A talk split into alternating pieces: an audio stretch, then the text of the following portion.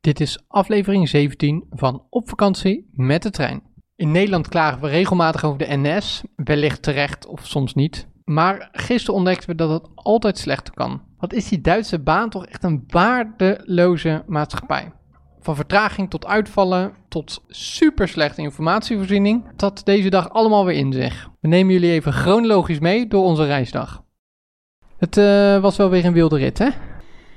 Ja, beetje wel. Nou, een beetje. Ik vond deze denk ik het, uh, het heftigst. Op een gegeven moment dacht ik echt, ik word helemaal gek. Maar eigenlijk begon het best wel heel goed. We hadden Zeker. eigenlijk um, nou, alles netjes op tijd ingepakt. Huisje goed achtergelaten. We waren netjes op tijd op station in Bern. En daar was de trein eigenlijk heel goed op tijd. Dus we hadden nog even tijd om alles een beetje uh, nog wat lekkers te kopen. En nou, oké, okay, Fem was al wel na twee uur moe. Dus dat was wel een soort van alle ballen hoog houden en mijn hele knutsel uh, toolbox opentrekken. Ja. Maar ik dacht wel van, nou oké, okay, we zijn er de eerste rit hebben we gehad. Maar toen kwamen we op Frankfurt. Ja, toen begon de dop. Toen begon eigenlijk wel de ellende, ja. Um, ja, waar begon het? Nou, eigenlijk had die eerste trein had 10 minuten vertraging. En daar stond al een melding bij. Ik weet die melding niet meer precies. Uh, dat ik dacht, hmm, kan wel langer gaan duren. Toen uh, gingen we even een hapje eten. Toen ik in de rij stond voor de McDonald's, toen zag ik gecanceld. Ondertussen uh, was uh, de hitte al wat toegenomen. Het was bloedvergietend heet daar. Dus ik heb heel even gewacht met vertellen aan Carola dat hij gecanceld was totdat we alles op hadden. Ja, en waarom ging je precies wachten? Uh, ja, omdat, Niet alleen de hitte, toch? Nee, omdat een hoop zagrijn wel opgelost kan worden met uh, een beetje voedsel en een uh, koude cola. Nou, dat ik had werd, zoveel honger. Ja, maar dat kwam ook, laat me even uitleggen. Ja. Ik had denk ik drie kwartier met Lea op mijn buik gelopen en met Fem Ja. jankend in de buggy. Want die moest slapen en die was moe, maar die wilde niet. En ik heb eigenlijk de hele stationshal op en neer, op en neer, op en neer. En ik was echt, nou, de meeste mensen weten hoe warm ik het kan hebben en hoe rood ik kan zien. Nou, dat... Kreefje, kreefje. Keer drie. Met honger. Dus Herman had een goed moment uitgekozen dat ik eerst even mijn frietjes uh, achterover kon stouwen. Ja. En uh, Niels delen. En vervolgens werd die trein dus geannuleerd. En toen zijn we naar die informatiebalie toegegaan. Dat is een hele vriendelijke meneer. Hmm.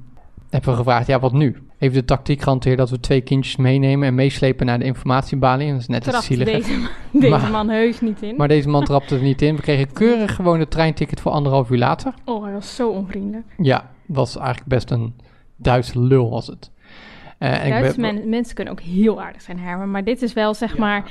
Heel veel mensen denken dat Duitsers niet aardig zijn. Daar geloof ik niet in. Maar dit was wel, zeg maar, soort... De totale bevestiging van alle stereotype beelden... die je van een Duitse meneer hebt. Ja. Nou ja, vervol vervolgens hadden we dus anderhalf uur, trein, anderhalf uur later die trein. Moest Fem nog steeds slapen. Dus heb ik die wandeling met Fem gemaakt. Ben ik uh, een uurtje gaan wandelen. Aan het eind van dat uurtje waren we er bijna. Ik denk, ik check de trein nog even. Hmm, viel die weer uit.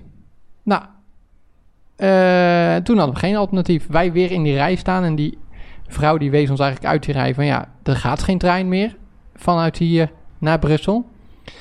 En stonden we op het station en toen, uh, wat hebben we toen gedaan?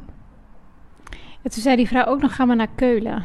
En verder hebben we toen niet zo heel veel gedaan. Volgens mij hebben we toen direct... Ja, jij hebt toen nog heel lang met een paar conducteurs gekletst... om ja. te proberen of er nog alternatieven waren. Ik was er nog helemaal klaar mee. Ik denk, geef me maar een hotel. Maar ja, dat kon niet. En um, toen zijn we eigenlijk... Toen hebben we gewacht tot de trein naar Keulen. En op zich was die trein best wel prima. En Fem sliep ondertussen en Lea ja. ook. Ja, dus dat gaf, dat gaf ons echt heel veel soort van... Dat was wel echt heel ontspannen. Dat ja. klinkt een beetje gek, maar dat maakt wel dat je denkt... voor, je, voor jezelf is het niet zo erg dat je vertraging hebt. Nee. Maar je wil die meiden niet helemaal over de kook hebben. Dus uh, dat was fijn. En toen in Keulen... Oh, toen moesten we nog even een overstap maken naar een ander station. We zaten natuurlijk op dat voorstation van Keulen... en toen moesten we nog even naar Keulen Hoofdbaanhof. En toen hadden we wel aardige Duitsers... want die hebben jou twee keer geholpen met een kinderwagen. Want ja. toen moesten we in een hele korte tijd trap op, trap af... Maar stel je even voor, hè. Ik bedoel, ik heb dan Lea slapend op mijn buik. Ja. Jij hebt een enorme rugtas op je rug en een kinderwagen. En wat we dan altijd doen is, samen tillen we de kinderwagen dan. Die halen we dan uit de trein en dan moeten we ook nog van die grote stationstrap op. En dat gaat wel. Maar ik had natuurlijk ook nog, zeg maar, dat uh, rode tomatenhoofd uh, keer 3.0. en dan ben ik ook de kinderwagen nog er vanaf aan, aan, aan het sjouwen. Ja, jij de onderkant van de kinderwagen met Lea en ik de bovenkant van de kinderwagen met backpack. Nou, ze garaaien dat ze hielpen. Nou, het, het, ging echt heel snel. Heel vaak is het ook dat mensen niet helpen. Maar nu... 90% van de tijd helpen nee, ze niet. eigenlijk best wel, best wel gek. Berlijn, daar hielpen de meeste mensen.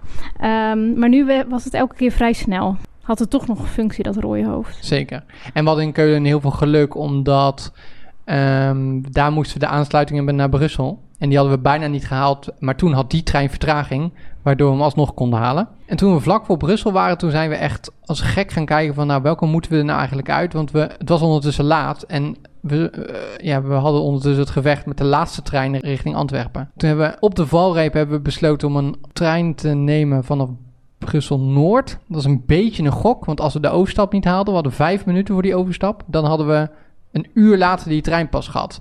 En dan waren we denk ik half één, kwart voor één op Antwerpen geweest. Maar als we deze wel hadden, kwart over elf op Antwerpen geweest. Maar we hadden maar vijf minuten voor de overstap. Ah, we hebben twee minuten stonden er, hè? Ja. Dan kan dat rode hoofdje, dat heeft dan wel power, hoor. Dat ging, uh, dat ging toen heel gesmeerd. Ja. Toen kwamen we in een treintje. Ik denk dat die stamde uit 1624 of zo. dat was...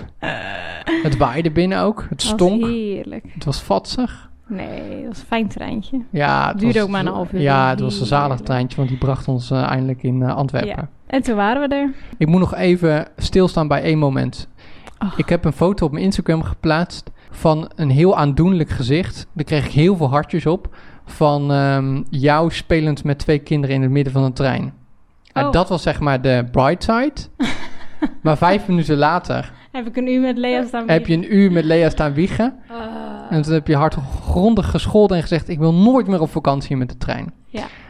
Dat is de eerste keer hè, dat ik dat zei. Dat was de eerste keer. Maar zo zie je... Maar we hebben gisteren klokje rondgereisd. Echt, iedereen denkt nu, wat doen die mensen? En ik ga nooit met de, met de trein op vakantie.